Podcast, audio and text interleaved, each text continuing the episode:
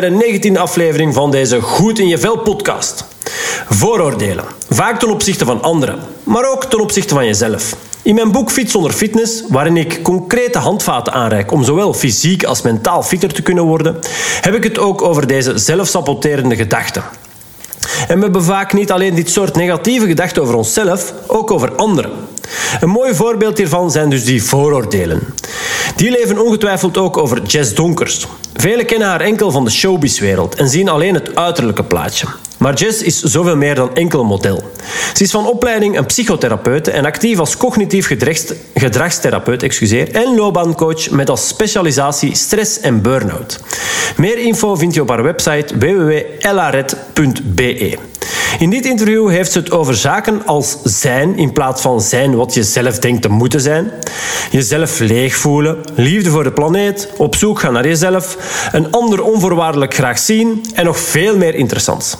Dus ik zou zeggen, gun jezelf een momentje, neem even de tijd om in dit interview te beluisteren en laat je inspireren door Jess Donkers. Jess, allereerst bedankt om even tijd voor mij vrij te maken. Uh, ik wil even vooruitspoelen om te kunnen terugkijken. Stel, je ligt op je sterfbed. Hopelijk mag dat moment nog redelijk lang wegblijven. Hè? Maar welke dingen zou jij dan vooral willen kunnen herinneren? Oh, dat is uh, inderdaad een gedachte die je uh, even aanvoelt als zijnde zeer ver weg. Um, maar het is wel een mooie vraag. Het is een vraag waar ik nog niet heel vaak heb bij stilgestaan.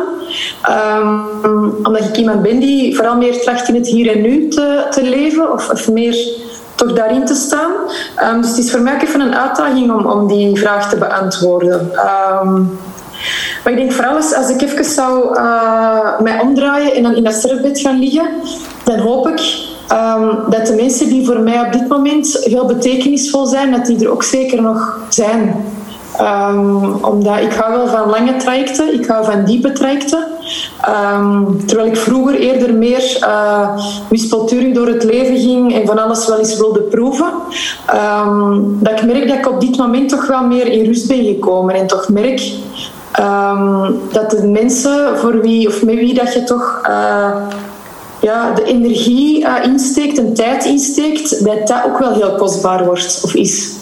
Um, en als je natuurlijk op je sterfbed dan al die mensen die herinnering kunt meenemen, dan denk ik ja, dat je um, met plezier je ogen zou kunnen sluiten. Uh, dat is een belangrijk facet. Um, en een ander belangrijk facet vind ik vooral... Uh, ik heb één dochter. Ik ben er op tijd aan begonnen. Ik was uh, net twintig toen ik ben bevallen. Dat is nu ondertussen een mooie vrouw van 18 jaar. En ik zie ook hoe dat die stap per stap uh, haar eigen identiteit ontwikkelt. Um, en als ik dan denk op mijn sterfbed, dan hoop ik echt dat zij vooral haar eigen weg gevonden heeft. En, en vooral niet uh, in functie van mij heeft willen leven om, ik zal maar zeggen, haar mama tevreden te stellen of gelukkig te maken. Um, dat is ook iets dat voor mij wel zeer, zeer belangrijk is. Um, en een derde luik is het hart voor dieren. Uh, dus op dit moment uh, zit dat daar, want dat hart is er natuurlijk. Maar uh, ik ben nog wel van plan om daar dingen mee te doen. Ehm, omdat ik ja, heel vaak merk uh, hoeveel dieren ten onrechte worden behandeld. Hoe vaak mensen hun frustratie en angst uiten uh, op dieren. Want dat is makkelijk ten opzichte van dieren. En zeker in bepaalde landen is dat nog zo. En ik hoop, zeker dan misschien zelfs op politiek vlak, om nog wat dingen in beweging te krijgen. En die zeer belangrijke levende wezens meer rechten te geven. Uh, meer bestaansrecht te geven. Dus okay. dat is het. Mooi. En, en uh, om nu even verder in te gaan op, op dat laatste, hè, de, de, de rechten van de dieren, is dat iets wat dat je altijd al hebt gevoeld als kind? Hadden jullie huisdieren bijvoorbeeld? Ging je regelmatig uh, in een, langs een wei waar de paarden stonden? Ben je op de boerenbuit opgegroeid? Of is dat echt iets wat de laatste jaren meer dat je dat voelt van dat is toch wel voor mij een hele belangrijke. Je zet het eigenlijk op hetzelfde niveau als als uw dochter uh, zien opgroeien met een eigen identiteit en haar eigen weg zien vinden. Dus dat is toch wel een, een, een grote. Zat dat er al van jongs af aan in, of toch niet? Niet echt, omdat ik niet, ben niet opgegroeid met, met huisdieren. Uh, we wonen ook op, op een appartement eerst. Uh, daarna verhuisd richting de boeren buiten en dan hadden wij wel kippen. En die hadden allemaal een naam ook. Dat was wel leuk. We hadden er vijf en die hadden allemaal een naam in F. Um, Freya, dat kan ik mij nog onthouden. En ik denk dat die van mij uh, Francesca noemde. Um, maar ik had daar zo geen band mee, want die pikte ook. En ik vond dat eigenlijk niet zo heel fijn. Dus ik heb mij toen ook nooit niet uh, bewust be beseft um, dat ik dat enorm belangrijk vond, een, band met een dier. dus die kip hebben mij daar niet bij geholpen. maar later, als ik alleen ben gaan wonen, dat is ja rond mijn 18 jaar, dat ik eigenlijk mijn eigen pad ben beginnen uh, zoeken. Dan uh, heb ik vrij snel wel een hond in huis genomen.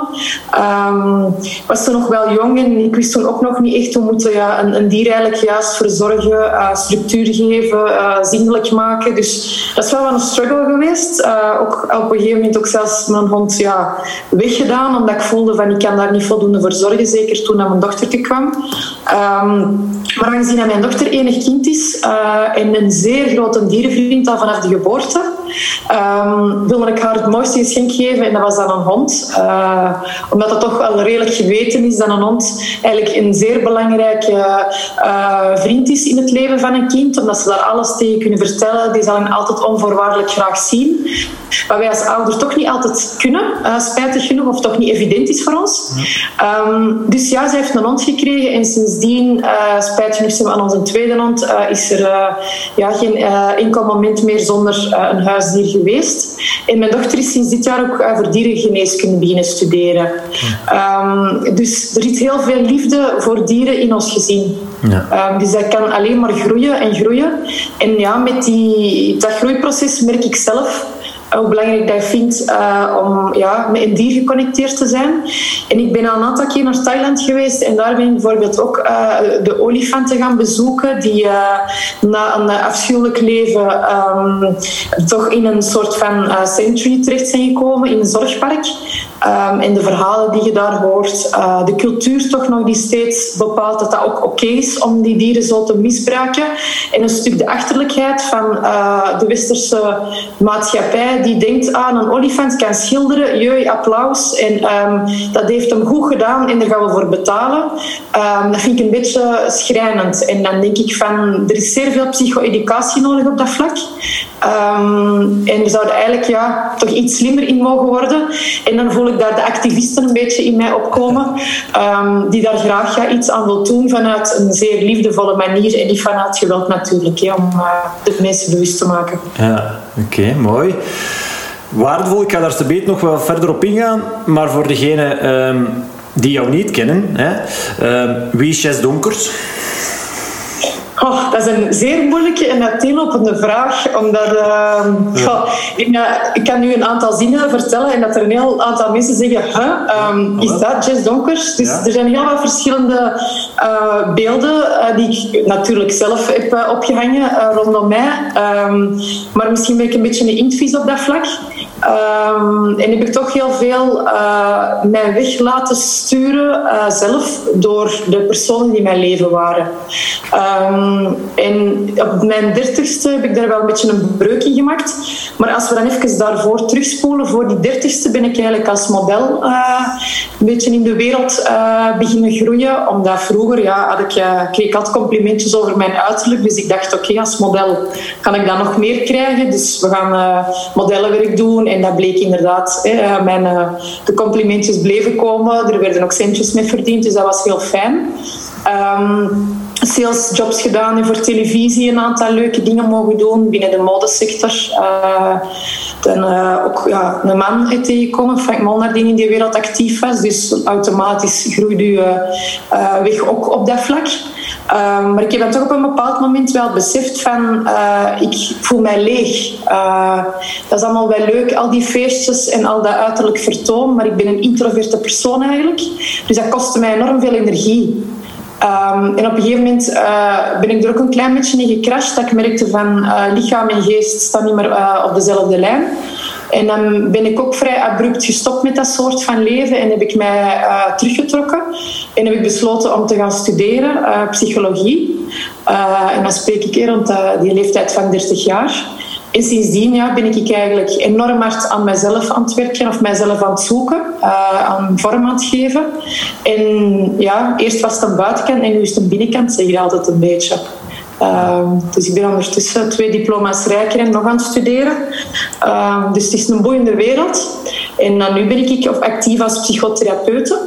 Ehm, ook als uh, coach, business uh, coaching. Dus ja, ben ik eigenlijk ook uh, op weg om mensen op een andere manier hopelijk te inspireren. want dat is toch wel iets waar ik hoop binnen heel deze verhaal wat mee te doen.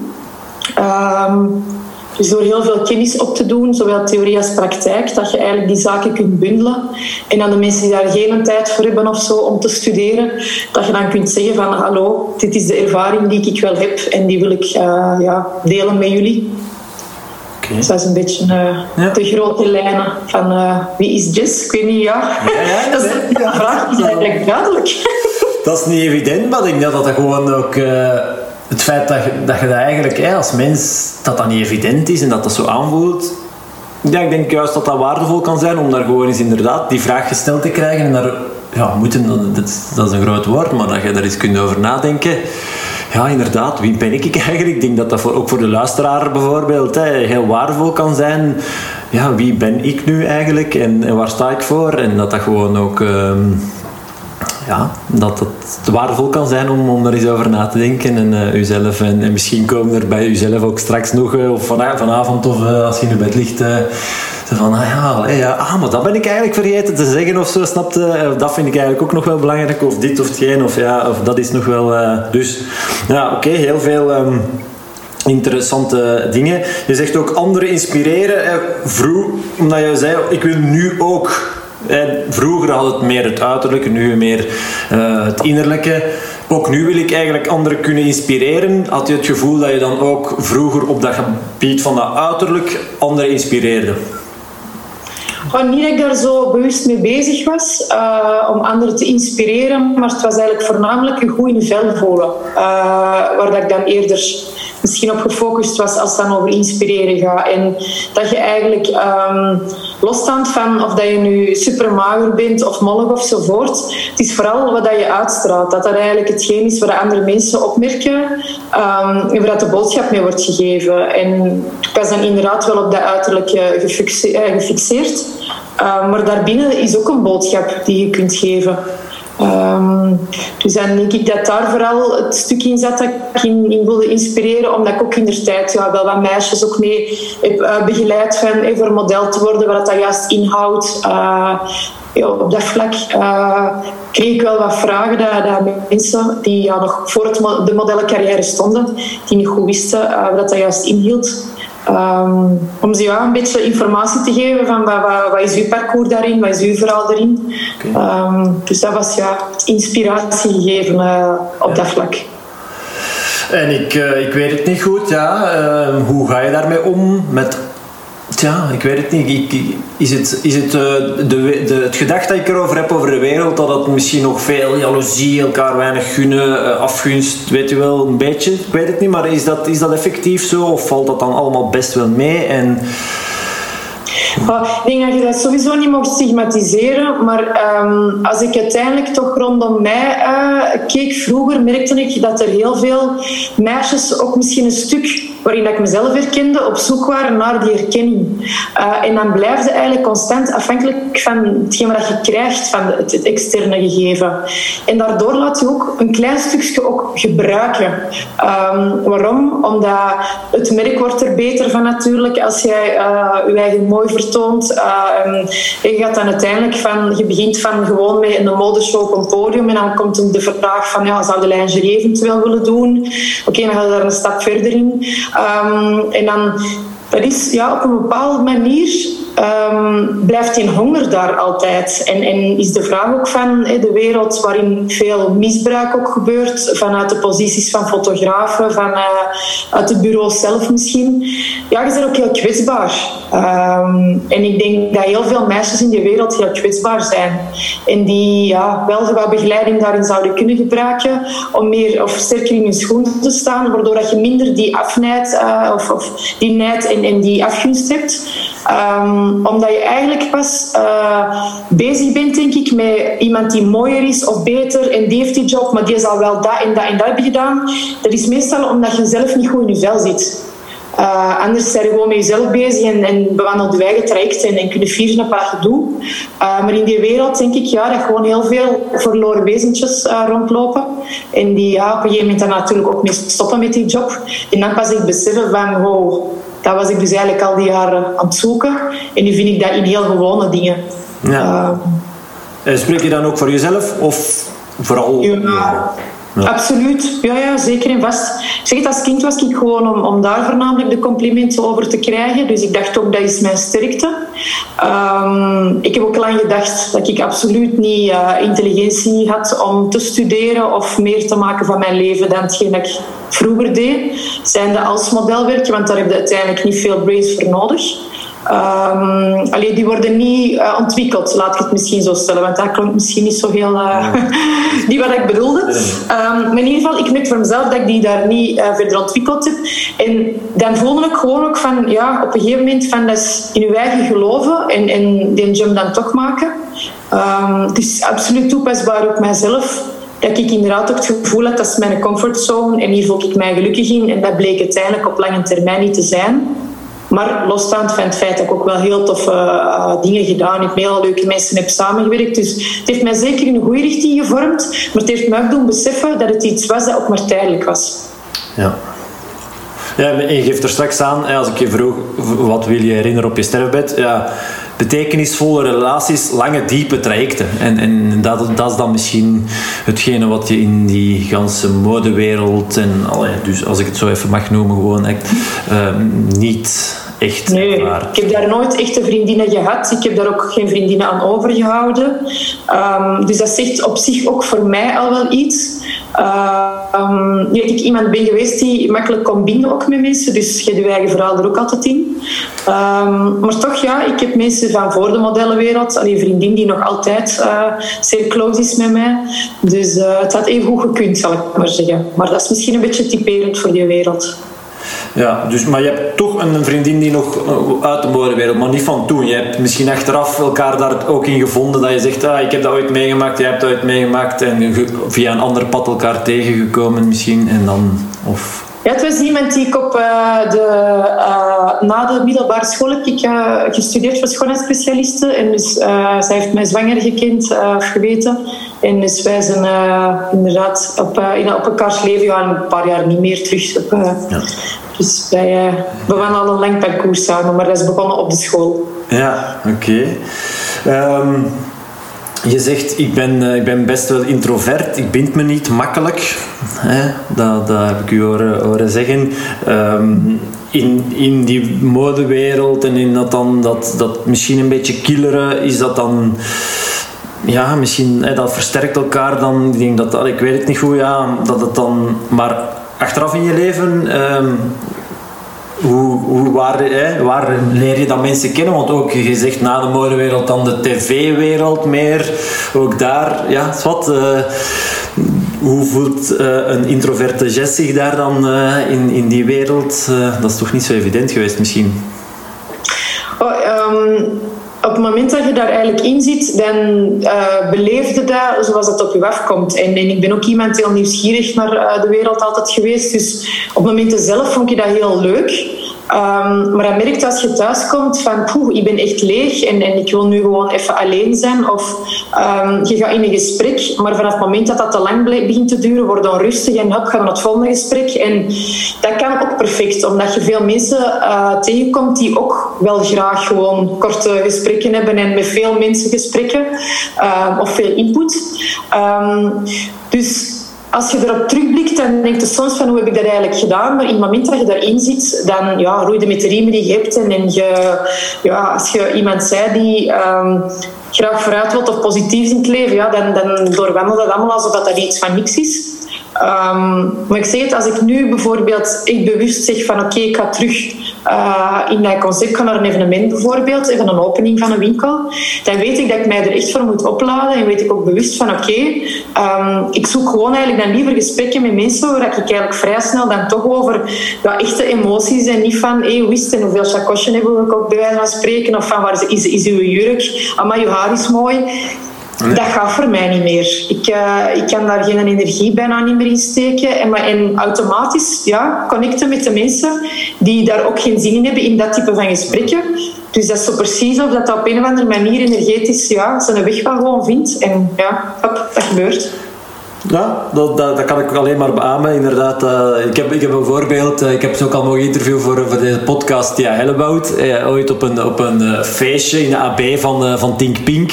zoveel jaar bestaan van Tink Pink. En ehm, ja, goed, daar allebei zoiets hebben van... Wow, ik weet eigenlijk of niet of dat we dat hier wel... Allee, zij was daar alleen, ik was daar met mijn beste vriend. we werden elkaar voorgesteld en we hebben de hele avond bij elkaar opgetrokken opgetrokken en zelfs buiten een AB gewoon door de stad en wat uh, even de frisse buitenlucht. En, en ja, omdat je elkaar op een of andere manier, alleen dat is soms ook natuurlijk toeval en, maar dat je elkaar dan tegenkomt en elkaar dan in vindt en dat, dat aanvoelt van hey, ja, we zitten, allee, ja, wij hebben misschien gewoon, we zitten op dezelfde golflengte, we hebben misschien meer nood aan, inderdaad, zoals jij zegt, eh, daarover te babbelen in plaats van zo de, de meer oppervlakkige dingen. Of, of, ja. Ja, ze noemen dat soms de oudere zielen, hè, die elkaar tegenkomen, die elkaar precies al jaren kennen. En dat is ook iets dat heel fijn kan voelen. Hè. Ja, zeker. Ja. Ja, zeker en vast. Ja. Oké. Ehm, hoe kijk je daarop terug, op het feit dat je op je 18 al... Uh, ja, was, je was 18 of 20? Je was, jij, was 20 en, en nu, want je dochter is nu 18, maar jij was 20 als je ze kreeg. Zou je het, uh, als je het mocht terugspoelen, anders doen? Um, op bepaalde vlakken wel, omdat dat ook een heel eenzame uh, periode geweest is. Omdat niemand uh, in mijn buurt of niemand van mijn vrienden of zo was op dat moment ook zwanger. Dus je kon ook al die ervaringen niet delen met iemand. Um, zelfs dan als ze werd geboren. Um, ja, je hebt heel vaak altijd het idee van ik sta er eigenlijk een beetje alleen voor. Aan de school ook, de schoolpoort. Ja, die mama's waren allemaal een pak ouder dan mij. dus ik had ook nergens niet zo het idee van ah ja, ik sluit mij hier aan. Um, dus dat is eigenlijk het enige dat ik dan denk van ja, dat was misschien niet zo heel uh, leuk voor mijzelf die periode. Maar langs de andere kant, jonge moeder zijn is wel heel tof. Um, je kunt je op heel veel vlakken wel aansluiten uh, bij je kind. Uh, de gedachtenwereld, uh, de, de, zaken die evolueren. Misschien is dat toch allemaal iets makkelijker. Um, maar dan op het moment dat er bijvoorbeeld een TikTok in de wereld komt en ze dan zegt mama, we gaan eens leuke dansjes doen. En als ik dan de snelheid zie dat zij dingen leren en mijn traagheid, dan denk ik van oké, okay, there's a gap. en echt een grote. Um, maar toch ja... Buiten in die eenzaamheid, zeker als ik nu zie, de laatste jaren nog, dat is zo fijn om zo geconnecteerd te zijn met je kind. Um, zij vindt het ook heel fijn om een jonge mama te hebben. En ook op de leeftijd dat ik nu ben, ik ben op dit moment 38. Um, ehm, mijn dochter die begint haar eigen leven al op te bouwen. Die heeft nu een rijbewijs gehaald. En die kan eigenlijk mijn eigen leven ook weer wat richting geven. En je bent nog heel jong. Um, dus ja, nu zie ik mijn vriendinnen allemaal nog met de kleine kinderen en nog heel veel rekening moeten houden van gaan halen. Die, die coronaperiode ook heel heftig, denk ik, voor vele uh, mensen met jonge kinderen. Allee, ja, voor mij was dat fluitend door het leven. Dus ik heb gewoon een andere periode gehad waarin ik mijn struggle heb gehad. Um, maar ik zou het eigenlijk misschien wel toch terug opnieuw doen op die manier. Oké. Ja, ja, ik, ik, ja, ik zit er volop uh, in. in uh, dochter van drie en zo van, van nog, nog geen drie maanden. Um, ja, goed. Um, en ik ben even oud als... Ja, nee, ik ben van 83. Ik zal een jaartje jong of twee jaartjes... ja. Um, maar goed, ja, nee. daarom dat ik, het, dat ik het mij afvroeg, dat het inderdaad wel interessant is. ik snap wel, hè. Jij hebt nu... Ja, eigenlijk, uh, oké, denk even corona weg. Dat zal hopelijk uh, wel ooit weggaan. Of, of, dat we daar mee kunnen leven en nog wel gewoon dingen kunnen gaan doen. Je, je hebt wel gewoon niks houdt u niet meer tegen. Alleen niet dat kinderen u daarom altijd hoeven tegen te houden, maar jij kunt wel ja, gewoon nu terug. Uh, en je bent nog geen 40. Uh, bij ons gaat dat op ons, uh, op ons 60 zijn. En dat is natuurlijk ja. een, groot verschil. Ja. ja. En je blijft natuurlijk wel betrokken ouder um, bij je kind, maar je merkt wel dat je bijvoorbeeld eens de vrijheid hebt om te zeggen van we gaan twee weken met vakantie. Um, er komen veel meer mogelijkheden dan dat je eigenlijk constant als ouder beschikbaar moet zijn dus dat is wel een heel toffe, evolutie. Hè? Ja, zeker. Zeg, um, ja, je zegt hè, die eenzaamheid daarnet. Ehm, ah ja, als je zwanger was of in het begin zo, ehm, mag je dan vragen, de partner of, de papa, daar was je dan niet mee? Of, of zelfs ondanks het feit dat hij er misschien wel was, dat je dan toch die eenzaamheid voelde? Of, um, dat is misschien een... Ja, wij waren twee zeer jonge mensen die eigenlijk, ik zal maar zeggen, niet goed wisten aan wat we begonnen. maar ik vond allee, een grappig fenomeen. Toen ik uh, was bevallen, toen ja, moest daar nog een placenta uitkomen en dat wist ik zelfs niet. Dus toen het uh, gynaecoloog zei van, hey, je moet nog eens een keer persen, dacht ik, oh, ik heb er toch maar één. Ja. Dus om even de onwetendheid dan, uh, aan te kaarten. Um, dus wij waren allebei gewoon totaal niet ja, klaar eigenlijk misschien om, om ouder te worden. Alhoewel dat we dat allebei wel graag wilden. Um, dus ik heb dat ook niet echt met hem samen gedeeld of beleefd. Of, dus dat was meer mijn eigen stuk waar dat ik mee omging. Um, en wij zijn ook wel vrij snel uit elkaar gegaan. Dus ik heb mijn dochter uh, bijna quasi altijd alleen opgevoed. Um, maar ik zeg op het moment dat ik uh, mij alleen voelde, dat heeft dat vooral te maken uh, met mijn eigen stukje. Uh, dat ook, ja, zo jong bent, je kunt ook niet onder woorden brengen wat er dan met je allemaal gebeurt. En pas achteraf besef ik eigenlijk dat dat er aan de hand was, bijvoorbeeld. Of dat dat mij soms onrustig maakte. Maar op dat moment zelf kon ik dat zeker niet zo benoemen. Nee, nee. Ja, je geeft ook aan van je staat dan aan de schoolpoort. Zo gaat het bij veel mensen natuurlijk. Ze, ze, ze staan dan aan de schoolpoort en dan ja, de, de, ouders van de klasgenootjes van de kinderen ja, hebben ongeveer dezelfde leeftijd, wonen in hetzelfde dorp. Uh, ja, en, en als er dan een of andere nog extra ding is waar je elkaar dan in herkent, um, ja, dan, dan kunnen daar dingen, vriendschappen of, of al toch in ieder geval een connectie uh, ja, ontstaan. En, en je geeft het er net zelf aan, hè, ergens bij horen, dat is toch wel ja, niet voor niks, hè, die sociale binding, een van onze drie psychologische basisbehoeften. Denk ik. Dus, dus dat, denk dat dat wel heel, heel waardevol is en belangrijk is. En als je natuurlijk op die leeftijd, ja, ik weet het niet, um, niet zo evident um, om dan. Uh, dus wanneer, want daar ben ik wel heel benieuwd naar. Dan, oké, um, je, bent dan, uh, je bent dan zo jong en dan ja, het, de passage richting tussen de 20 en jouw 30er jaren met een klein kindje. En dan inderdaad,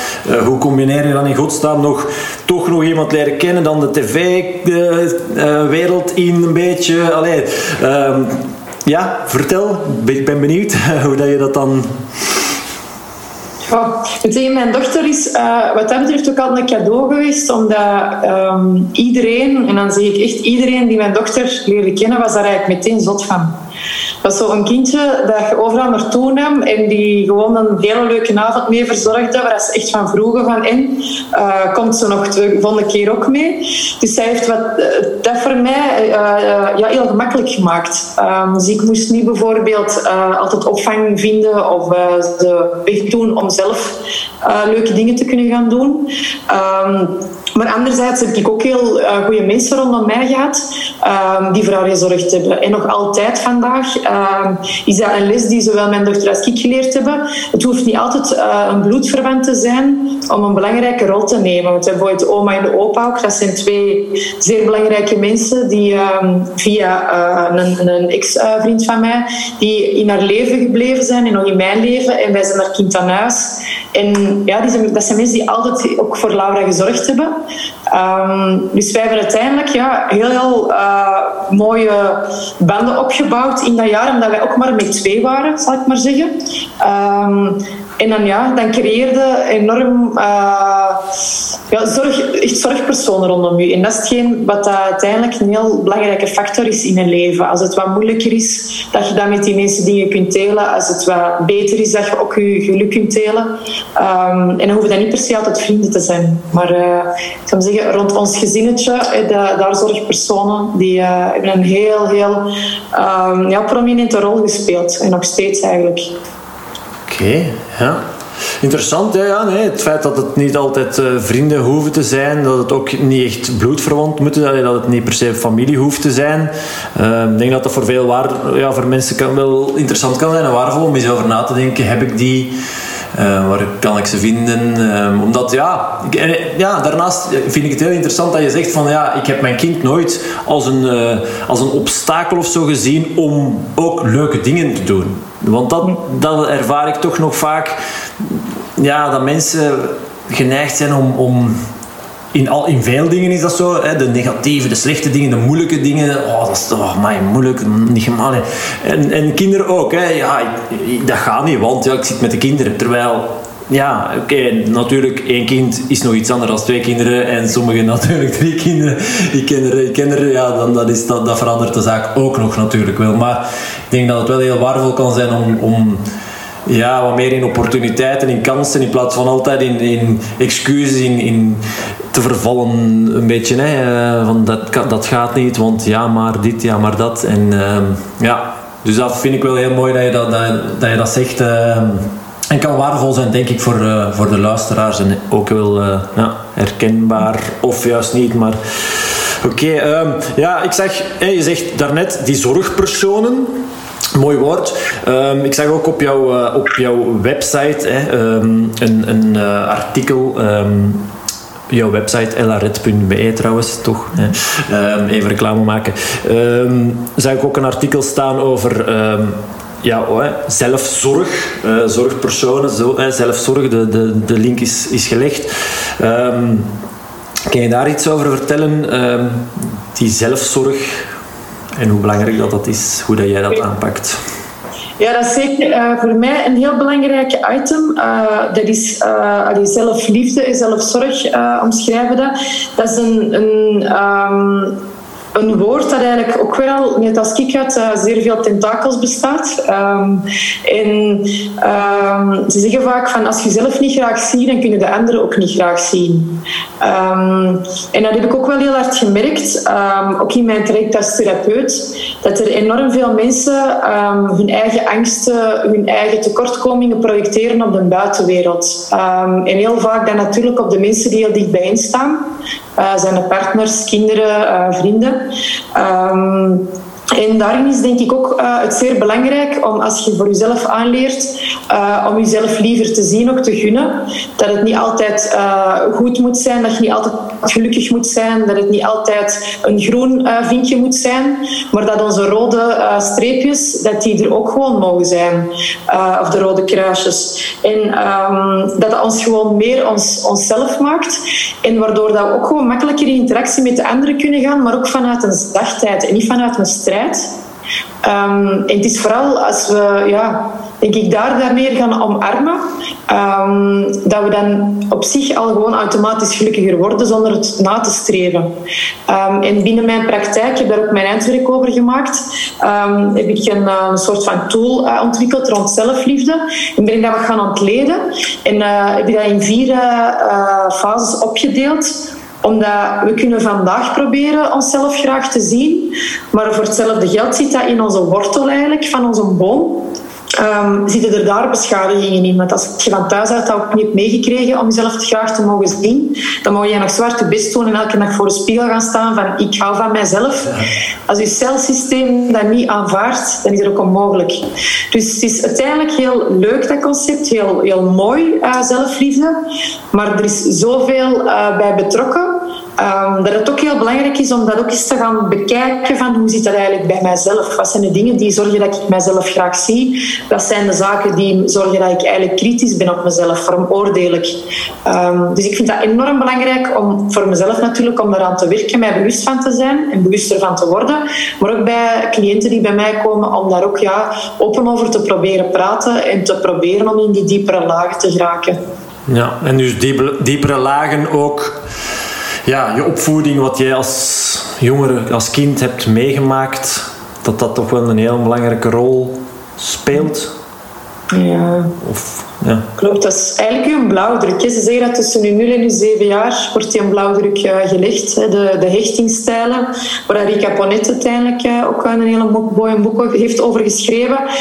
Um, het zijn zaken die we eigenlijk, hoe dat we als kind hebben gefunctioneerd en wat we ook als voorbeeld hebben gekregen, dat we enorm hard terug uh, herschikken of gebruiken in ons volwassen leven, binnen onze relaties. Sue Johnson heeft er ook zeer mooie dingen al in vorm gegeven. Dus en als we ons daar allemaal bewuster van zijn, dan gaan we het leven ook wel op een iets andere manier kunnen bekijken, denk ik. Ja, ja zeker. Ja. En uh, ja, dus eigenlijk, ja, ik zeg soms, ja, probeer jezelf eens te behandelen als, als, als een vriend in die nood is en hoe dat je die zou helpen. Allee, jezelf, die, die, die zelfliefde, zelfzorg, zelfcompassie, hoe dat je het ook, allee, ja, ehm, ja, heel veel mensen zijn heel goed in inderdaad een vriend in nood te helpen en daar alles voor te doen, maar zichzelf, ja, dat is toch soms net iets moeilijker. Ervaar je dat ook bij jouw cliënten zo? of bij jezelf? Ik weet het niet, maar vroeger misschien, ja. Hoe kijk je daar tegenaan? tegenaan? Ja, ze, het is zo, als je eigenlijk ergens eh, rechtop ziet, zou zeggen, als je een wit papier neemt en je houdt het tegen je neus, allee, moest er dan iets op staan, dan zou je het amper kunnen lezen. Hè. Bekijken we de dingen van op afstand, een mooi woord helikopteren, uh, is altijd evidenter. En anderzijds zijn we ook zo krachtig in het geven van tips Um, en tips geven gaat denk ik voornamelijk over uw eigen. In de zin van, je kunt wel iemand iets horen vertellen, maar we zijn heel snel geneigd om dan onze eigen motor aan te zetten en dan van alle gedachten te laten uh, bewegen en dan van daaruit dan die tips te gaan produceren, wat natuurlijk een heel mooie, nobele gebeurtenis is, dat je uw vriend wilt helpen of vriendin, of, of weet ik veel wie. Maar eigenlijk gaan die tips vooral over jezelf, omdat alleen luisteren is soms al, al genoeg. Um, maar dat is ook iets ja, dat we allemaal uh, moeilijker vinden, denk ik, luisteren. In stilte gewoon proberen niet eigen dingen te bedenken. En dan van daaruit uh, onze uh, vriend of vriendin die eigen dingen die ze dan aangeven um, als oplossing te laten uh, gelden. Omdat vaak als we dingen uh, vormgeven, woord geven, uh, ik bijvoorbeeld gevoel, emoties, boosheid zeggen, ik ben boos, um, dat dat veel krachtiger is dan bij wijze van spreken raad te geven over hoe dat je met die boosheid moet omgaan.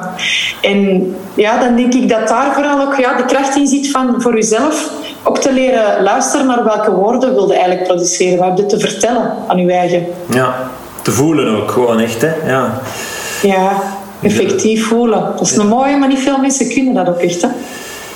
Nee, maar dat is, dat is ja, jezelf ook kwetsbaar opstellen, uiteraard. Hè. Dat is um, durven graven. Hè.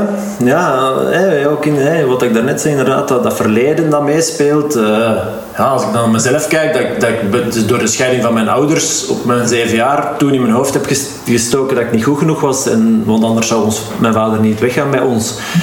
Weet je wel, dat is, dat is ook zoiets. Hè. Ik bedoel... Um, maar goed, niet beseft. Hè. Ik bedoel, we hebben wel heel lang uh, onzeker gevoeld op een gegeven moment. Snapte? Uh, en van waar komt dat dan in godsnaam? Ja, maar dan moet je inderdaad durven, durven gaan voelen en gaan spitten en gaan terugdenken. En, en ja, dan komen er emoties los. Maar dan weet je ook wel gewoon dat je goed zit. Hè.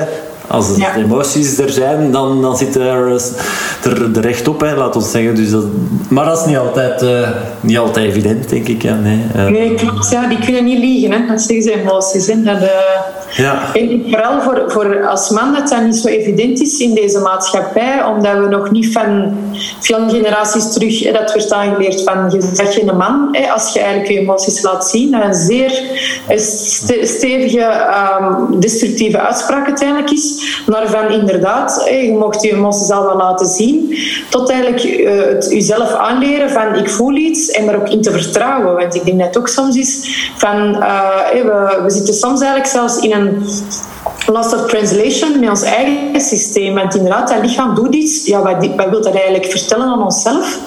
Dus en uh, dan merk ik ook dat wij vaak die woordenschat gewoon niet hebben. Uh, wat zijn onze behoeftes? Wat zijn onze positieve en negatieve emoties? Als ik dat soms aan mensen vraag, van ja, wat voelde jij?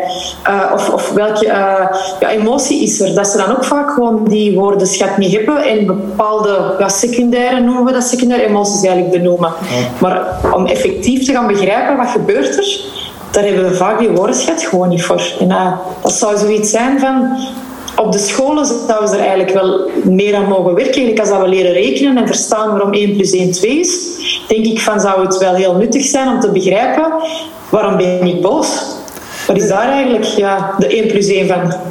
Ja, of, gewoon echt uh, de 10 positieve emoties volgens Frederickson. Bam, tjak, die echt. En daar gewoon, wer, allee, daar, in de kleuterklas zelfs al, allee, er bestaan boekjes, hè, denk ik. Als je naar de, ik ga soms met, met onze lenen naar de bibliotheek en goed, er, bestaan dingen rond dankbaarheid en vreugde. Allee, de, er zijn zeker de... Um, maar nee, ik volg u daar wel in. Ik denk inderdaad dat je daar eh, gelijk in hebt dat er vanuit de opvoeding dat daar nog veel, veel um, winst valt in te halen. En dat zal wel ergens hopelijk in het in het onderwijs uh, net in, in, de, in de eindtermen wel ergens zijn opgenomen. Ik weet het niet, misschien, ja, misschien te weinig. Ja. De er denk ik, allee, ik, mag, ik mag daar ook niet uitspraken over doen, omdat ik er te weinig kennis van heb, maar dat is wel de dingen die je zo een beetje opvangt. Hè, van, ja. Als ze daar ook iets meer bezig zijn met het kind als individu, hm. in plaats van met het klassensysteem, zou ik maar zeggen. Ja, ja, ja. Jij kunt daar meer over vertellen, hè?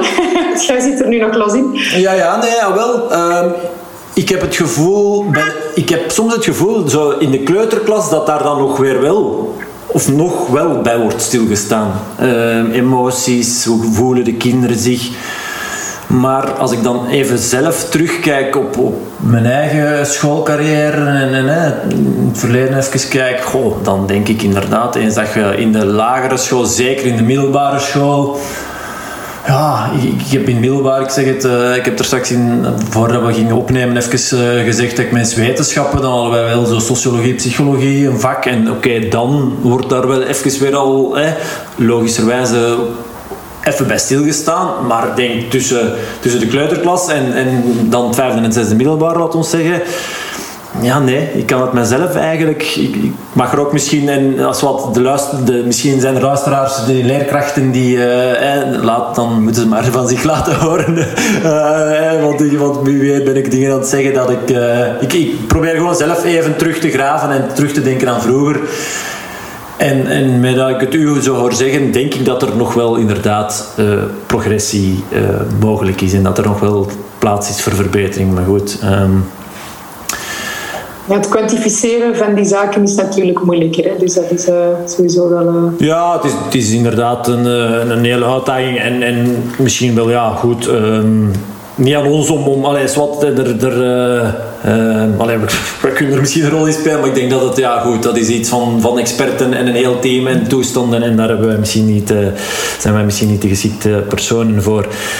Goed, je zei daar straks ook van... um, ik wil, als ik op mijn sterrenbed lig, kunnen terugkijken eh, dat ik, dat ik in ja, de energie die ik in mensen gestoken heb, in die, die betekenisvolle relaties, goed, energie steken in. Um, ik, ik zeg ook, eh, eh, waar ik voor sta met Word Fit, ja, met voldoende energie door het leven kunnen gaan en goesting, maar goed, de energie om daar even verder op in te gaan.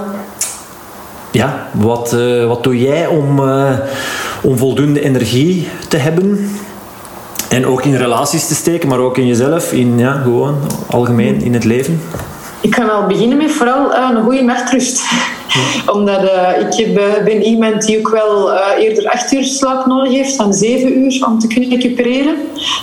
Um, dus dat is voor mij redelijk heilig, mijn slaap. Um, en dan bepaalt er eigenlijk ook al een beetje inderdaad hoe energiek dat ik de dag kan aanvatten. Um, verder ben ik wel nu niet echt het toonbeeld voor sportief actief zijn. ik, als ik wel wat structuur in mijn leven heb, zoals bijvoorbeeld de voorbije maand in een blok, dan uh, ging ik twee keer per dag uh, een half uur met de hond uh, goed stevig doorwandelen. Um, dat vond ik enorm ja, bevrijdend, ook voor mijn brein. dat het even zuurstof kreeg, zeker die, die voorbije weken. Lekker fris buiten. Dat je het gevoel hebt dat je zuurstof inademt. Ehm, ook die beweging. maar verder is vooral zo wat yoga-sessies morgens. Um, om die spieren goed te ontspannen. flexibiliteit wat. En dan ja, voor energie veel water drinken, dat is ook iets dat mij toch wel meehelpt in het uh, energetische. En proberen ook wel uh, naar voeding toe daar wel uh, op te letten, om redelijk regelmatig iets te eten. Voldoende ja, fruit en groente afwisselend. Um, en ik ben vegetarisch, dus ik ben geen vleeseter. Um, en ik vind dat dat voedselpatroon mij ook toch wel wat energie geeft. Um, dus dat zijn eigenlijk een beetje de zaken die ik doe om mijzelf in mijn kracht te zetten. En heb je, je zegt ja niet altijd het voorbeeld geweest van sportief actief zijn, maar dat dan dat, um, die voeding die je net aanhaalt, hoe, is dat altijd iets dat in jouw leven een, uh, ja, dat goed ging, dat makkelijk ging, dat, uh, of, of toch ook niet? Ik heb ook eigenlijk een, een haat-liefde relatie met voeding gehad vroeger. Uh, omdat ik niet uit een culinaire familie kom of zo. Dus uh, om zelf elke dag eten te moeten koken. Ik zeg het er zo bij, want zo heb je dat jaren ervaren.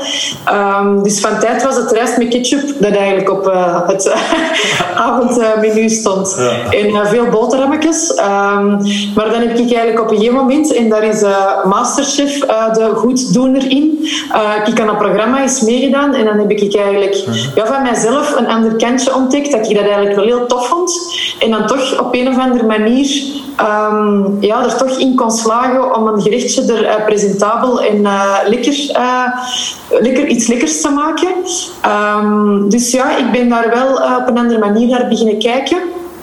En ik vind ook weer al daarin dat ik een voorbeeld moet zijn voor mijn dochter. Omdat als ik ongezond eet, dan eet mijn dochter automatisch ook ongezond. Uh, en dat vond ik wel heel verkeerd om dat voorbeeld te zijn. Um, vanuit dan natuurlijk mijn uh, beperking met, uh, of de relatie met eten. Dus dan ben ik mijzelf ook wat gaan pushen om daar wel toch wel mee bezig te zijn. En dan uh, voor de voorbije weken bijvoorbeeld ja, de hele fresh boxen, wat ik wel handig vond. een menu kant en klaar. En je kunt daar dan uiteindelijk ja, elke keer iets anders van maken. wat altijd wel lekker is. En dan ja, staat in de keuken, dan wordt dat gezellig met een partner, muzieksknop. En dan koken wij ja, en dan wordt het ineens allemaal plezant. en dan begin beginnen te ontdekken ja, dat er wel wat uh, een toffe wereld ook aan uh, die voeding hangt. En hoe gezonder, hoe leuker dat ik het vind. En ook na het eten zelf, zo echt vol zitten in dat Bourgondisch, vind ik allemaal niet zo heel leuk. Maar echt, echt met superveel smaak gegeten hebben en daarna nog energiek genoeg zijn om van alles te doen, dat vind ik ja, het summum van, ja, van het summum van ja, de culinaire hoogte of zo. Ja, nee, nee, nee, maar ja, ja, ik begrijp u. Hè. Inderdaad, uh, ja, je moet je voeden hè, in plaats van vullen. Uh, ja, dat is toch... Dat, ja, het is, het is echt... Het voeding, het woord zegt het zelf. Uh, als je iets hebt gegeten en daarna zit je precies eens moe, allee, dat, dan, dan klopt er iets niet. Dat, ja. zou, ja, toch. Dat zou je energie moeten geven. Hè, ja. Oké. Okay, um, ehm, zeg, en... Um, dan, er straks al even een cliché allee, of de modewereld. Uh, we mogen niet te hard in stereotypes denken, dat weet ik ook wel. Maar dan als model, dan komt waarschijnlijk, ik kan me voorstellen dat de luisteraar, um, ik probeer maar in, in zijn of haar hoofd te kruipen. Je bent model geweest de, en je zegt er juist een verstoorde relatie met voeding, maar je gaf er juist aan dat het eerder was omdat je vanuit thuis niet per se uit een culinair gezin kwam, hè, zoals jij het zegt. Is dat de enige verstoring met voedsel? Of, of is dat dan het mager moeten zijn? Ik weet niet ja, hoe dat jij dat... Moest jij, moest jij daar een strijd voor leveren om mager te blijven? Er zijn toch best wel... Nou, ik weet het niet, dat is misschien ook te snel gezegd, maar veel modellen die, die echt wel... Ja, anorexia, allee, weet wel, echt een, op een andere manier een verstoord, verstoorde relatie met voeding hebben. Ja, het is fijn dat je het vraagt, uh, want ik kan inderdaad expliciet benoemen dat dat voor mij zeker niet het geval is. Omdat ik, uh, ik kan goed eten, ik mag ook goed eten. Um, en ik heb nog altijd dezelfde kledingmaat dan dat ik 14 jaar was.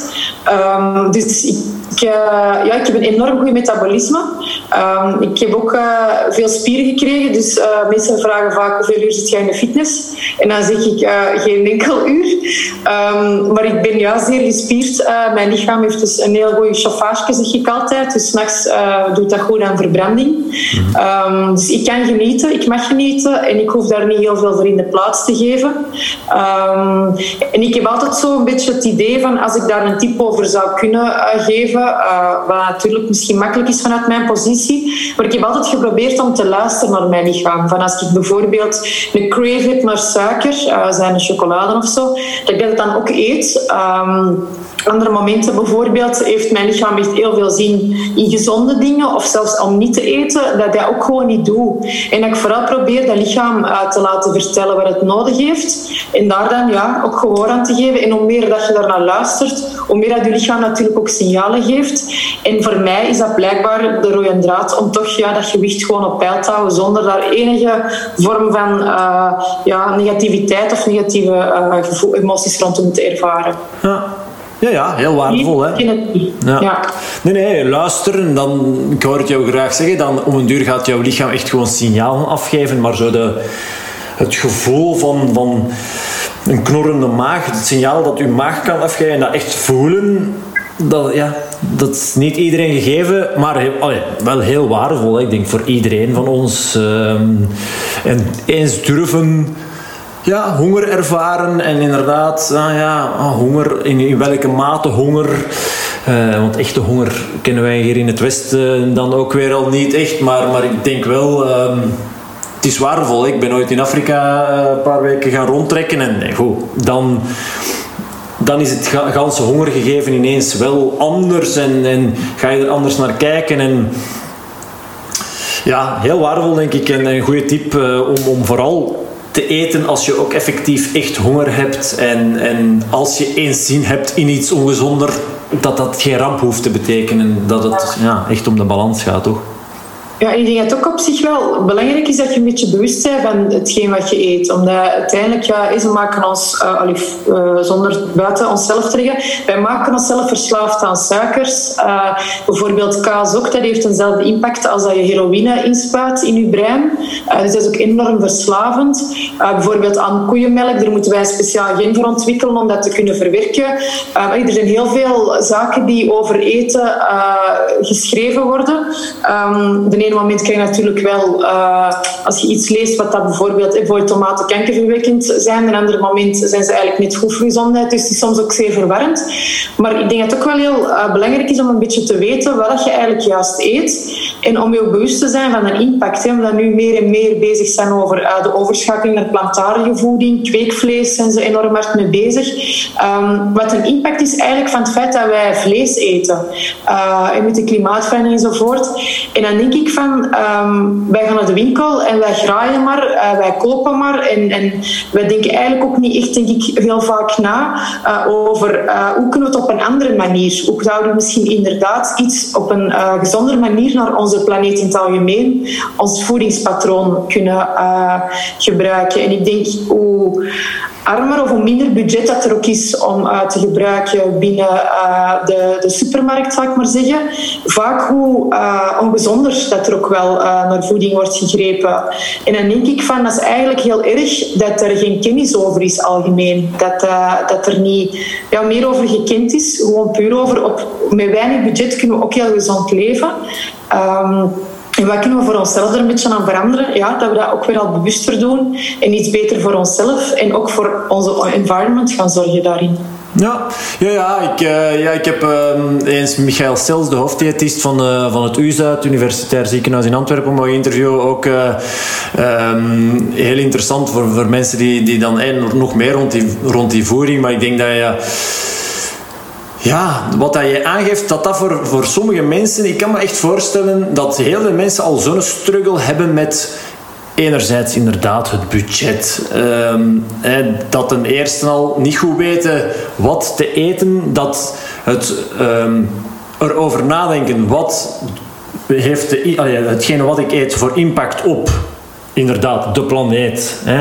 Um, dat dat voor veel mensen eh, redelijk allee, eh, ik kan me voorstellen dat veel mensen dat een brug te ver of snapte dat ze ja. dat ze al eerder met de andere twee eh, zien dat we rondkomen. Uh, maar wat, wat ik, omdat ik dat nu net aanhaal van, van die Michael Stels, hij zei ook van, dat vond ik heel goed, een kool in de winter, dat kost nog geen euro. Mm Daar kun je heel, een heel gezin, alleen, een, heel, een heel tafel mee te geven, bij wijze van spreken. Dus dat, daar heb je volledig gelijk in, denk ik, dat het niet niet per se altijd veel geld hoeft te kosten. Ehm, maar bedoel jij dan bijvoorbeeld ook de impact op, op onze, op onze ja, de planeet en om dan niet in een supermarkt, maar bijvoorbeeld meer lokaal, lokaal seizoensgebonden te kopen? Um, ik ben daar zeker voorstander van, maar ik weet, uh, want ik heb er zelf ook wat onderzoek naar gedaan, om bijvoorbeeld bij een bioboer dingen te gaan kopen. Uh, dat is niet zo evident. Klopt, en zeker nu in deze tijden, en van ik ben allemaal vanuit dat iedereen internet heeft, een computer heeft, dat is niet voor iedereen gegeven. Um, dus dan zijn er natuurlijk zeer beperkt uh, naar mogelijkheden om, bij wijze van spreken, de, de seizoensgroenten um, te gaan kopen. Um, maar ik denk dat je met kleine basiszaken effectief Uh, zeker die seizoensgroenten, dat is eigenlijk al een hele goede ik om te starten. Uh, daar een, stap kunt ondernemen om enkel die zaken te kopen. Uh, of bijvoorbeeld effectief nog wel um, bij, bij een boer de patatjes te gaan halen enzovoort. De appels, wat niet denk ik duurder is dan in de supermarkt zelf. Um, dus dingen is, zoals bijvoorbeeld veganist zijn, dat is zo een soort van noemer. En er zijn heel veel dingen die je dan eigenlijk moet doen, moet denken, moet laten, moet, om dan veganist te kunnen zijn. Maar dat is inderdaad een brug of zelfs misschien honderd bruggen te ver voor heel veel mensen. Maar ik denk als je gewoon eigenlijk dag per dag er een beetje bewust mee omgaat en denkt van oké, hoe kan ik dat morgen misschien anders doen? Of hoe kunnen we morgen misschien zelfs besparen op onze voeding? En dat je er gewoon even over nadenkt en zelfs als familie uh, er een gespreksje over voert, uh, dat dat gewoon allemaal een enorme meerwaarde geeft en dat dat eigenlijk op hele kleine stapjes dat je al enorme progressie kunt maken. Ja, zeker. Helemaal akkoord. Ja.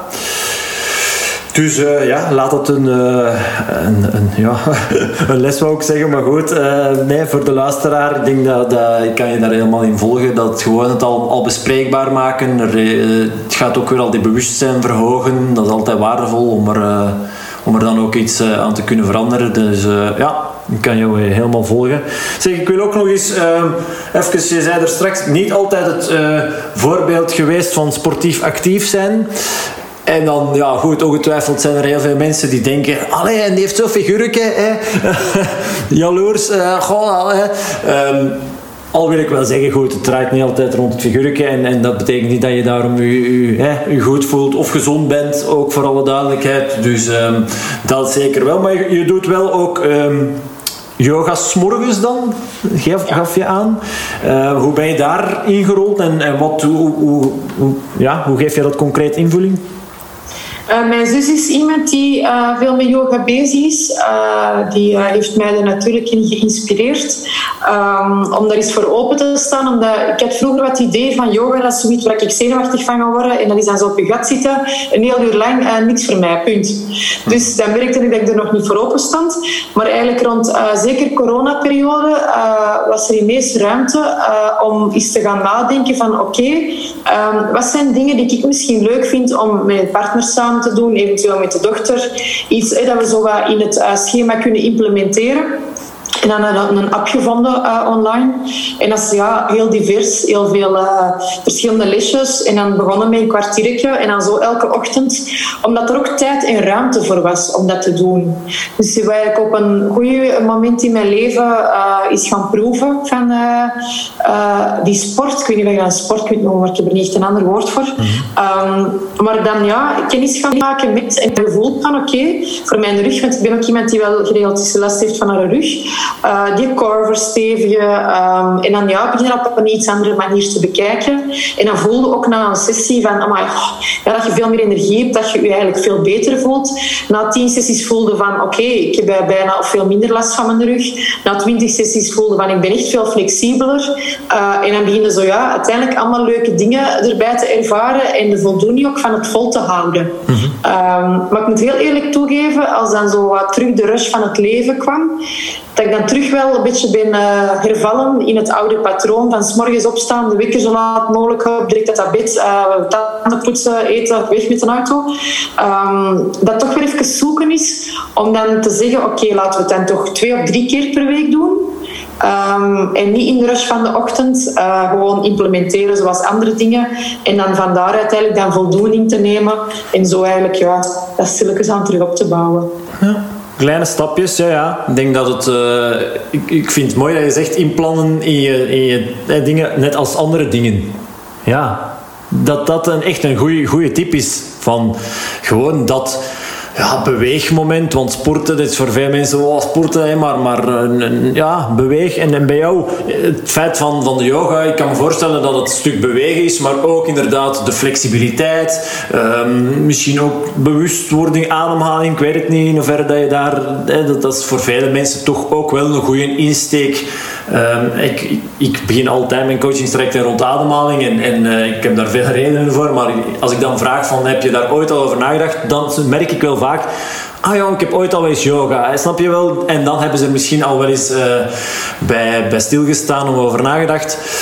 Maar dat het een goede tip is om, om het gewoon te zien als iets dat je ook gewoon in je week... Net zoals wanneer gaan we naar de supermarkt gaan, ja, ja, dan is daar, daar is een geschikt moment voor. Oké, goed. Ehm, en dat het dan yoga is, of, of, of een wandeling gaan maken, of, of een toerke gaan lopen, of maakt niet uit. Maar ehm, ja, dus dat is een, denk ik een waardevolle tip voor de luisteraar. Ehm, om het zo te bekijken en zo aan te pakken. Ja, alright. Goed. Je, ja, je zegt, ik, ik heb een, je hebt gestudeerd voor psycho, je bent psychotherapeut.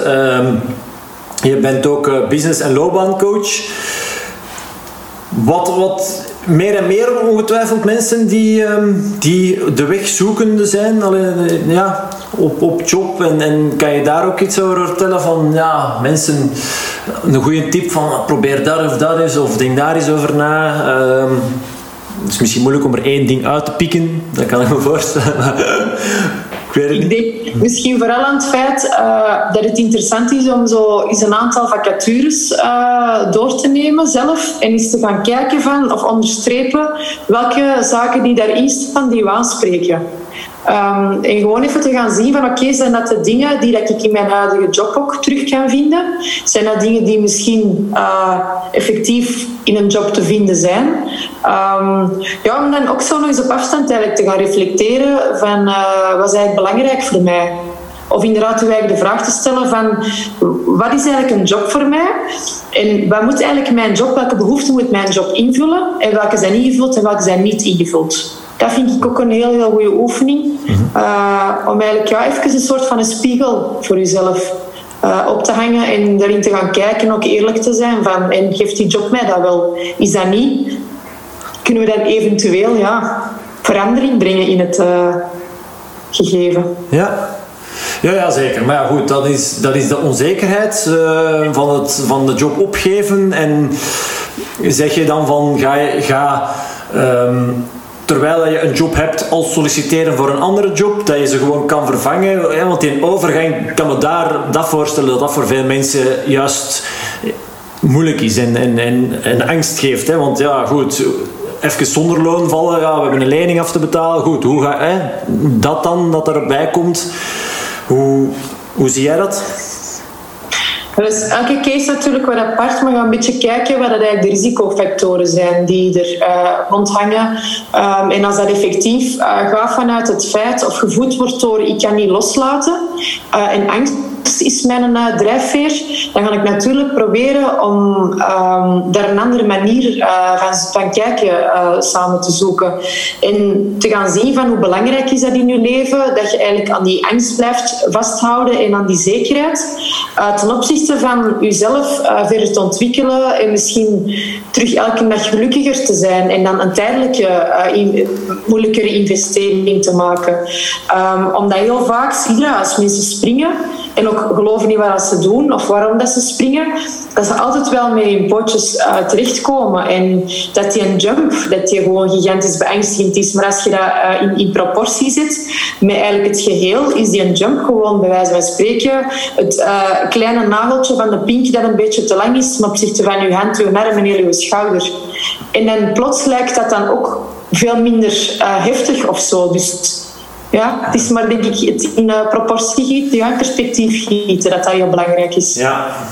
Ja, ja, ik zeg soms de moeilijkste beslissingen in je leven maken je leven achteraf uh, makkelijker. Hè? Uh, inderdaad, quitten met een job of, of zelfs bij, bij een partner weggaan. Hè? Want, dat, dat zijn heel moeilijke, grote, zware beslissingen.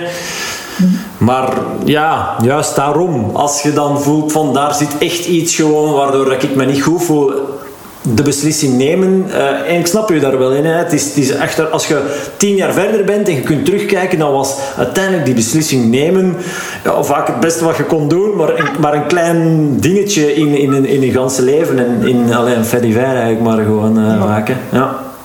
In het gevaar zit er natuurlijk ook wel in dat heel veel mensen eh, in een bepaald patroon zitten. Relationeel is dat ook vaak ook op vlak van werk.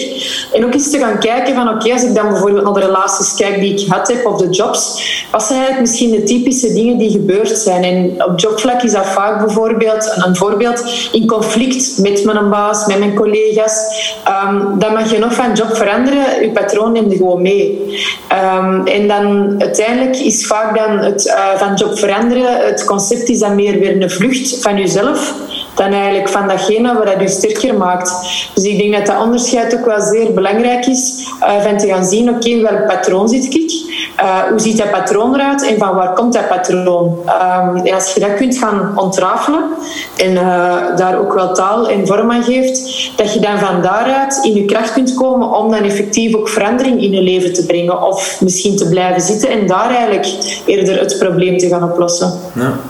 Maar weer al durven graven, voelen, uh, eerlijk zijn met jezelf, zijn dan weer al, weer al dingen die... Uh, en oké, okay, goed, dan kan een coach uh, of, of, of, allee, of therapeut of daar wel bij helpen vaak. Hè, toch, om, om, om het allemaal zelf te doen is vaak niet zo evident. Um, ja, zeg, je bent ook hè, rond stress en burn-out, doe, je, doe jij ook wel wat dingen wat is daar een, uh, ja, dat zal niet bestaan, maar goed, de gouden tip, um, wou, ik zeggen. Maar um, wat kan je daar uh, rond, rond, als advies geven? Ja, hetgeen wat je daar straks misschien wat aangaf, het ademen. Um, stress is eigenlijk een, een soort van afleidingsfactor. Ik zeg ook stress en angst, dat is uh, een systeem in onszelf dat ons zich gedraagt als een redder. Um, dus wij denken heel vaak van, als we angst ervaren, dat dat uh, het begrip is dat ons ervoor voor gaat zorgen dat we uit die levensbedreigende situatie komen. Maar uh, angst is eigenlijk gewoon een emotie die we ofwel meer of minder uh, aandacht kunnen gaan geven, waardoor dat ze verdwijnt of groter wordt. Dus als je het moment dat je ervaart dat je stress krijgt, naar binnen gaat en begint te ademen, en je heel bewust, dan ga je heel snel merken dat die stress eigenlijk maar iets is dat komt en dat gaat. Mm-hmm. Dus aan zich denk ik dat dat iets is dat iedereen zeker kan gebruiken. En ademen kunnen we eender waar, uh, geen, uh, andere mensen geen geld voor nodig hebben, de natuur niet voor nodig. Uh, gewoon puur eender wanneer, waar en hoe. Ja. Dus ik denk dat dat eigenlijk de beste tool is die dat er voorhanden is. Ja, ja, zeker en vast. En, en een van de redenen waarom inderdaad ik uh, met mijn, cliënten altijd uh, eerst even begin rond, rond ademhaling. Ja, zo, zo waardevol. Niet alleen rond stress en, bewustwording, maar ja, ook vertragen en, en je rugpijn aanpakken zelfs. En, en bewust, er zijn veel, meerdere redenen, maar ja, zeker om naar stress en angst toe. Ja, heel waardevol. Dat kan ik u alleen maar uh, gelijk ingeven. Um, ik, er straks hebben, we heel even kort al even besproken. Je, zei ook van die emoties. En, en ik zag um, er straks op, op LinkedIn een, post van jou uh, verschijnen waar je heel veel dingen uh, benoemt waar je dankbaar voor bent, dat je, dat je ze ziet, dat je ze mag ervaren. Hè. Um, en, en een van de dingen die je schreef was uh, gesprekken hebben met mensen over primaire emoties. We hebben het er juist al even uh, over gehad, over die emoties. Kan je daar nog iets, uh, iets dieper op ingaan over ja, die, die positieve... Uh, prim ik zei, er straks zijn meer positieve emoties, maar de primaire emoties, zag ik in jouw post. Uh, ik denk dat dat ook voor velen heel waardevol kan zijn. -hmm. Ja, het is, um, we spreken heel vaak over uh, feitelijke uh, gebeurtenissen. Um, van dat en dat en dat is er gebeurd. En um, dus daar hangen we eigenlijk ook onze emoties uh, aan op. Om eigenlijk op een bepaalde manier ook gelijk te krijgen in de dingen die dat je ervaart en vertelt. Of erkenning te krijgen. maar ik merk als je in, echt in gesprek gaat, dat je vaak nog dieper kunt gaan en eigenlijk op een ander niveau uh, kunt gaan communiceren. En bij wijze van spreken wel natuurlijk een feitelijke gebeurtenis als voorbeeld geven om in de diepte meer te gaan. Maar dan eigenlijk echt bijvoorbeeld over eenzaamheid. Ik heb er straks een paar keer aangegeven dat ik dat ook echt daarover kan spreken met mijn vrienden. En dat ik ook echt kan zeggen van kijk, ik bel u nu omdat ik u nodig heb. En omdat ik eigenlijk heel graag wil dat je even naar mij luistert. En ja, ik voel mij heel eenzaam. Ik voel mij een beetje verloren. Um, mijn basisbehoefte, mijn erkenning, omdat ik nu bijvoorbeeld altijd aan het studeren ben, voel ik veel stress en ik mis die erkenning gewoon even van mijn omgeving. Um, en dat je in die kwetsbaarheid ook uh, je vrienden kunt uh, uh, vinden, kunt voelen en dat die daar eigenlijk dan ook erkenning voor geven, zal ik maar zeggen, zonder dat dat expliciet moet, van amai, je hebt dat goed gedaan of zo, dan vind ik dat dat veel meer voldoening geeft. En moeten soms maar met tien woorden um, heb je een heel gesprek gehad. Ja. Uh, en, maar daar moet je tijd voor hebben. Dat, dat vraagt tijd. Uh, dat vraagt inzet, dat vraagt kwetsbaarheid. En dat kun je niet zomaar in de elektriciteit van de dag uh, we in principe zonder corona heel vaak ervaren. Ja, maar goed, de, onderweg van uh, het werk uh, naar huis, telewerken, oké, corona, maar um, ik weet het niet. Ja, ik denk dat het wel kan. Ik snap dat het niet gemakkelijk is en niet evident is om daar tijd voor vrij te maken. Maar goed, niks, niks is onmogelijk en ik denk dat je.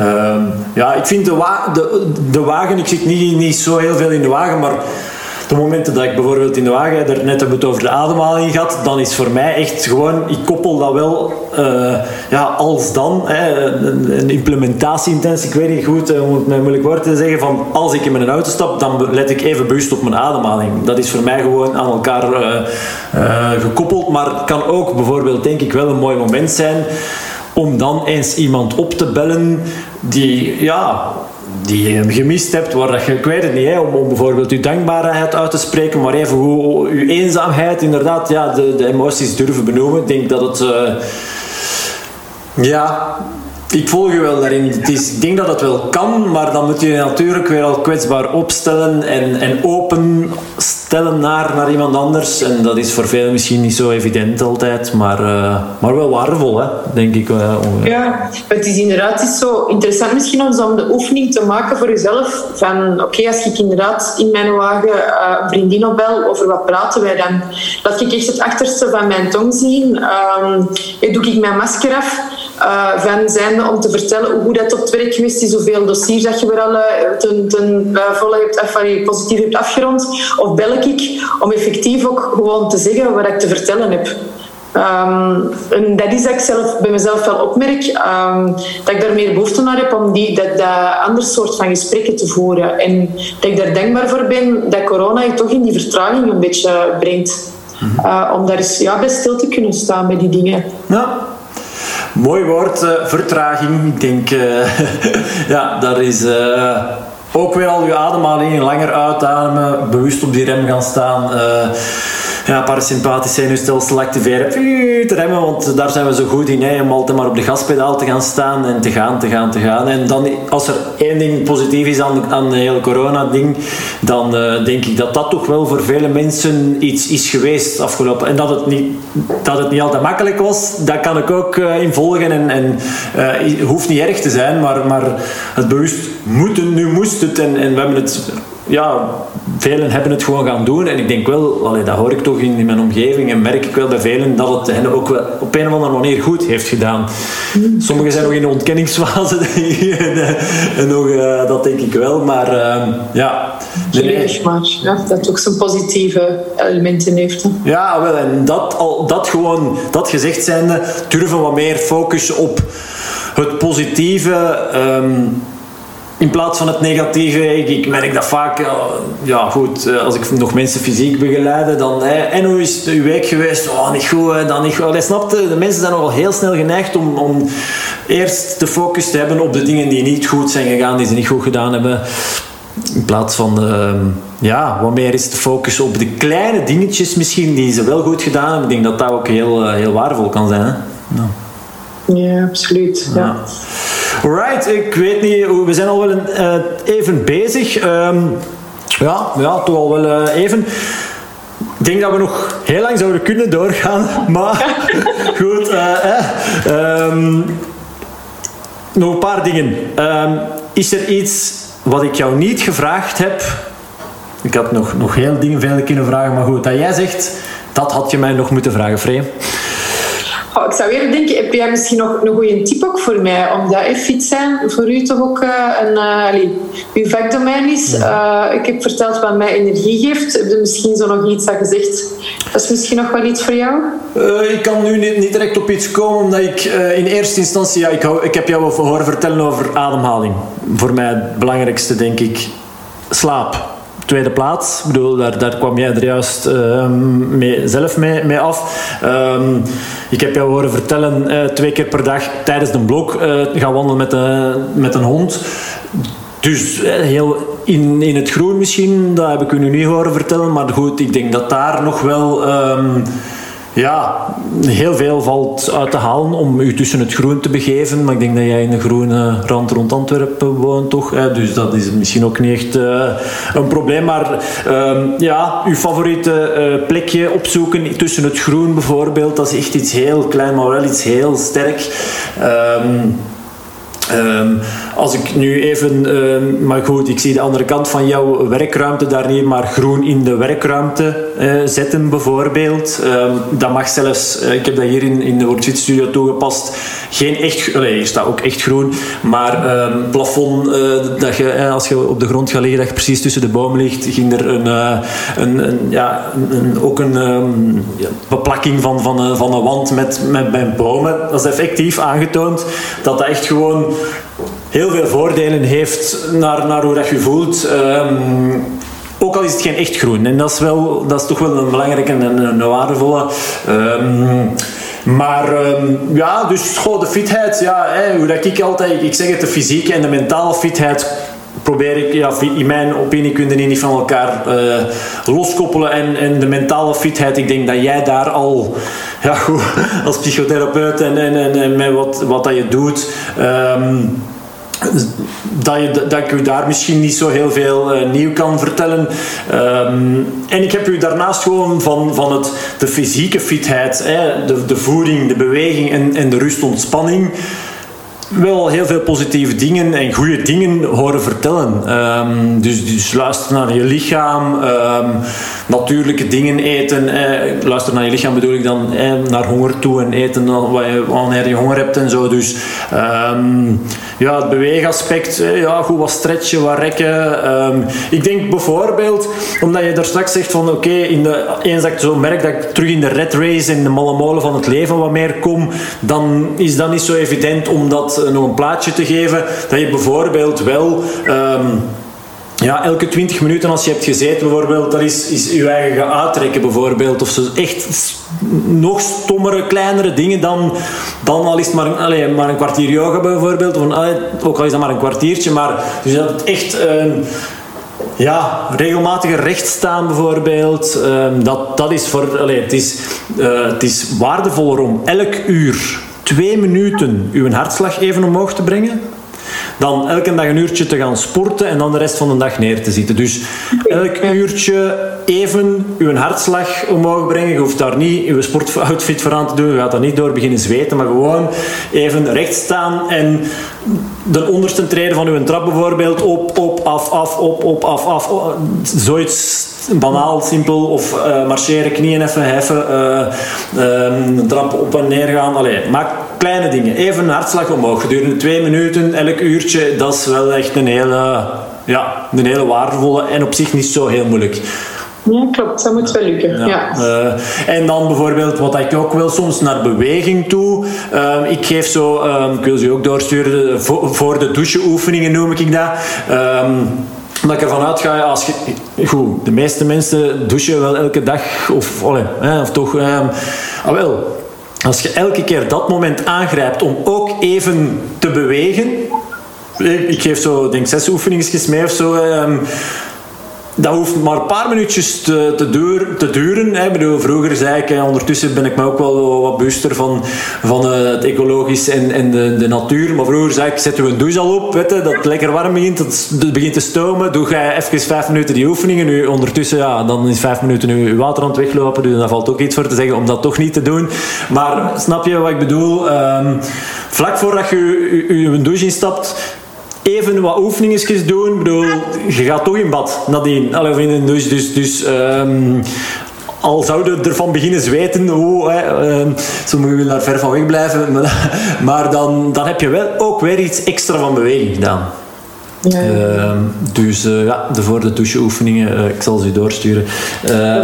en als de luisteraars ze willen hebben, dan moeten ze ook maar van zich laten horen. Ehm, goed, ja, ik sluit altijd af. Allee, ik weet niet, kan ik, heb je daar iets aan? Eh, ja, alright. ik sluit, ja, kleine, korte dingen, dat zijn dingen die makkelijker te implementeren zijn. Dus dat is fijn dat je die tips geeft. Ja, oh wel. Um, goed, alright, super. ik sluit altijd af met de vraag als fit zijn betekent dat je je gezond en energiek voelt. Op een schaal van 1 tot 100, hoe uh, fit voelt Jess Donkers zich op dit moment? Ik denk aan het getal 76. Oké. Okay.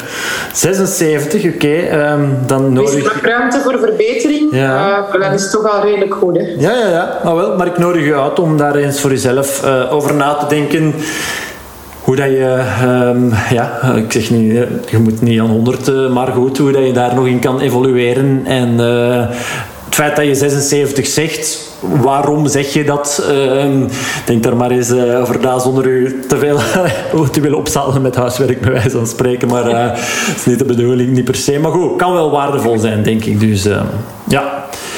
Alright, super. Was interessant, leuk. Heel veel waardevolle tips uh, meegegeven en uh, te horen gekregen. Dus dat is leuk. Uh, waarvoor mijn oprechte dank. het, was, het was leuk. Merciekes. Het was een fijne babbel, inderdaad. Ja. Als, we komen inderdaad zo eens op, over die onderwerpen te, te reflecteren en te spreken. Dus dank je wel ook daarvoor. Oké, okay. super. Tot, tot een volgende.